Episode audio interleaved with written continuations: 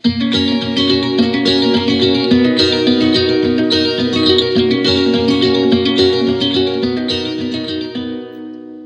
til Danske Bankers, podkasten for deg som vil vite hva som rører seg i markedet fra uke til uke. Mitt navn er Fredrik Askestensrud, og med meg som vanlig har jeg vår sjefstrateg Christian Lie. Velkommen, Christian. Takk for det, Fredrik.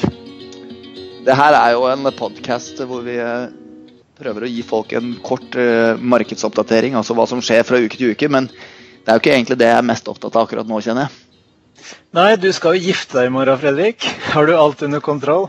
Jeg har jo selvfølgelig ikke det. Og jeg kommer jo vel sikkert Jobben min står vel i fare ved at jeg tar opp det bryllupet her. Og min sjef sa at nå må jeg bare ta meg fri fra jobb, for nå orker han ikke høre mer om det bryllupet. det går nok bra. Det går nok ja, bra. Det gjør det. Nei, men det er i hvert fall eh, det er i hvert fall så fragmentert hjernen min er i dag. Men jeg vil gjerne vite, Christian, hva er det som har skjedd denne uka her? Ja, hvis vi skal trekke frem tre ting, så har det vært eh, et veldig politisk eh, liv og røre, for å si det mildt, relatert eh, i stor grad til eh, Mr. Donald Trump. Vi har hatt eh, et fall i oljeprisen som eh, skyldes nye signaler fra OPEC. Og vi har fått tegn til at denne synkroniserte globale oppturen som vi hadde i verdensøkonomien i fjor, den har begynt å slå litt sprekker. Hvis vi aller først ser litt på politikken, så har jo Trump nå i løpet av én uke først innledet en våpenhvile i handelskonflikten med Kina. Noen dager etterpå så uttrykker han via Twitter at uh, han likevel har liten tro på at uh, det blir en avtale eller en løsning, og at en eventuell løsning må være i en helt annen struktur enn det det legges opp til uh, nå mellom USA og, Kina. Og nå bare for et par dager siden så innfører han da muligheten for at vi kan lansere nye tariffer på import av biler og lastebiler til eh, USA, som kan da ramme bl.a. Eh, Kina, men også eh, mange andre land, f.eks. de europeiske. I tillegg så har jo da Trump via et eh, fantastisk velformulert brev til eh, den nordkoreanske lederen eh, Kim Jong-un signalisert at han vil avlyse det planlagte eh, toppmøtet med Nord-Korea som var planlagt å bli gjennomført i Singapore. Eh, og hvor han alltid fra roser dialogen de har hatt, de har hatt til å påpeke at dette er et eh, stort tap for verden, til å true med amerikanske atomvåpenarsenalet. Så veldig eh, spesiell måte å eh, Er det taktikken hans, eller? Altså, Han virker som en litt forvirrende type? Veldig uforutsigbar, tydeligvis. Og dette er noe markedene også ikke liker i det hele tatt. Eh, og Derfor så er det grunn til å tro at dette med handel, dette med Nord-Korea, det vil være en tematikk som ikke er over, og som vil håper å si, plage oss investorer også i dagene og ukene fremover. Når det gjelder oljeprisen, så har oljeprisen falt et par prosent i dag og rundt 3 eh, de siste fem dagene. Og nyheten om at OPEC og Russland sammen kan finne på å øke i oljeproduksjonen eh, gjennom andre halvår, har eh, ikke, skal ikke si at det rystet oljemarkedet, men oljeprisen er i hvert fall en del ned. Og Det OPEC ønsker nå, det er jo å erstatte en del av den eh, oljeproduksjonen som har blitt borte fra Venezuela, og også den som nå risikerer å bli borte fra Iran, i takt med de amerikanske eh, sanksjonene.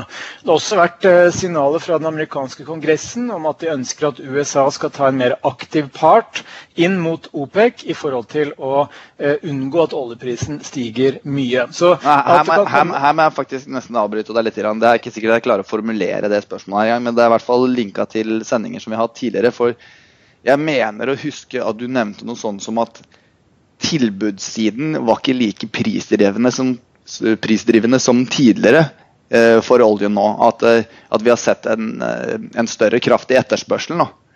Det her, ja, det, går, jo, det her ja. går, jo, på tilbudssiden igjen, og, så reagerer Absolutt. oljeprisen som den gjør. Hva, hva er som er grunnen til det?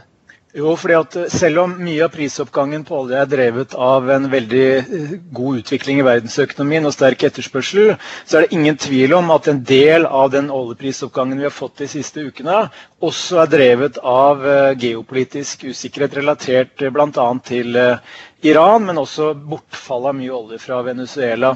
Eh, så når da OPEC signaliserer at de kan komme til å øke eh, oljeproduksjonen igjen, eh, så er dette helt klart noe som da gir mer olje ut i markedet potensielt, og som igjen da alt annet likt gir en nedside på oljeprisen. og Det er det vi ser i, øyeblikket.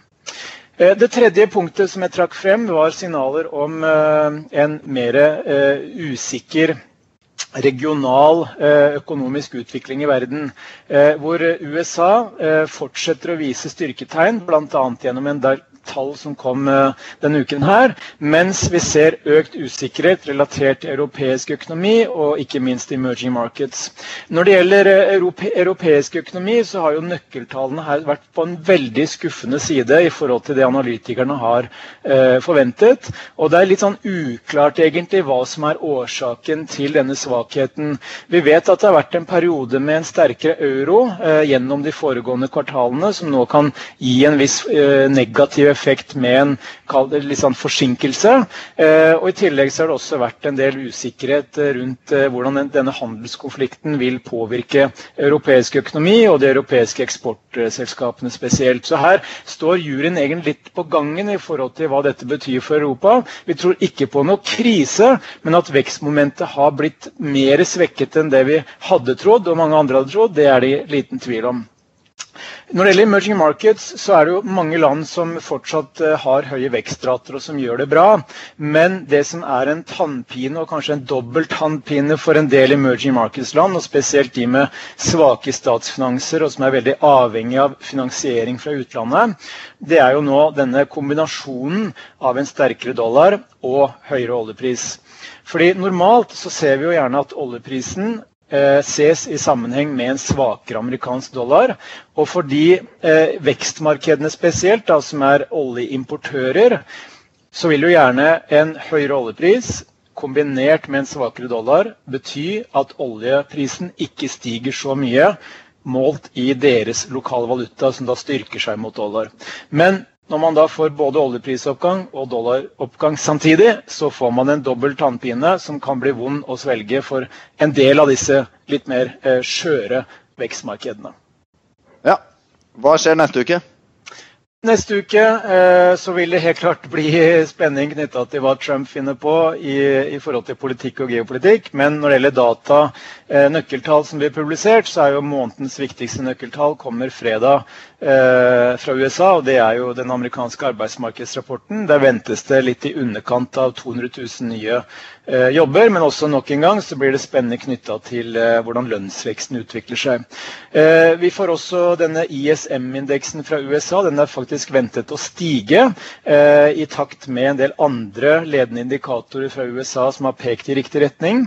Og, og Sist, men ikke minst, så får vi også inflasjonstall eh, både fra USA og fra eurosonen som kan gi oss en pekepinn på hva sentralbankene vil finne på fremover. Eh, og Litt av grunnen til at eh, det knyttes spenning til disse inflasjonstallene, det er jo at i USA så har Fed i det siste virket litt mindre trygge enn tidligere på at inflasjonen vil fortsette å akselerere. Og Det har bidratt til at de amerikanske rentene har falt litt eh, tilbake og vitner om en litt sånn mykere innstilling fra, fra den amerikanske sentralbanken. I Europa så blir det jo ekstra spennende med inflasjonstall nå, fordi når vekstutsiktene er litt mer usikre, dersom inflasjonen også skulle holde seg lav eller skuffe med nedsiden, så kan det stille spørsmål ved om ECB kan begynne å normalisere pengepolitikken slik de har eh, ønske om. Ja, for, for, meg så virker det jo som om dette er en uke som i hvert fall på tallsiden, da, som virkelig kan skape noen bevegelser i markedet. Hva, hva, vil du si at, uh, altså, hva vil du si er viktigst, og hva kan gi størst utslag av de, av de tallene som slippes neste uke? Eh, jeg tror eh, inflasjonstallene denne gangen er viktig, fordi vi er vel på, på en måte litt, litt i sånn vendepunkt, fordi vi ser en litt mer forsiktig eh, sentralbank i USA. Og samtidig så er det også veldig spenning knyttet til hva ECB kan gjøre, gitt den litt skjøre eh, økonomiske situasjonen. Og skulle vi få inflasjonstall som f.eks.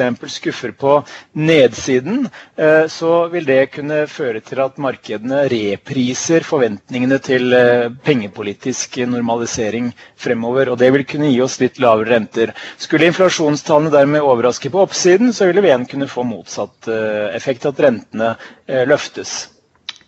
Takk skal du ha, Christian. Jeg, jeg, føler at markedet burde ta en side ut av min bok.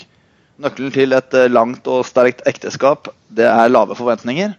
Hadde markedet bare skjønt det, så hadde vi sikkert fått en lang rekke med positive overraskelser. Jeg eh, eh, skal oppsummere kort de viktigste tingene for neste uke. Men eh, før det så gir jeg dere litt markedsdata, og det er da fra de siste fem handelsdager. OECBX ned 1% SMP 500 i USA opp 0,3% Eurostock 600 ned 0,4% og oljeprisen ned 3% De viktigste tallene vi får i neste uke, er non-farm payrolls på fredag klokken halv tre. Vi får ISM-indeksen fra USA klokka fire på fredag. Og vi får inflasjonstall fra USA torsdag klokka 14.30. Inflasjonstall fra eurosonen klokken 11 samme dag. Det var alt vi hadde i denne episoden av Danske Bankers. Vi høres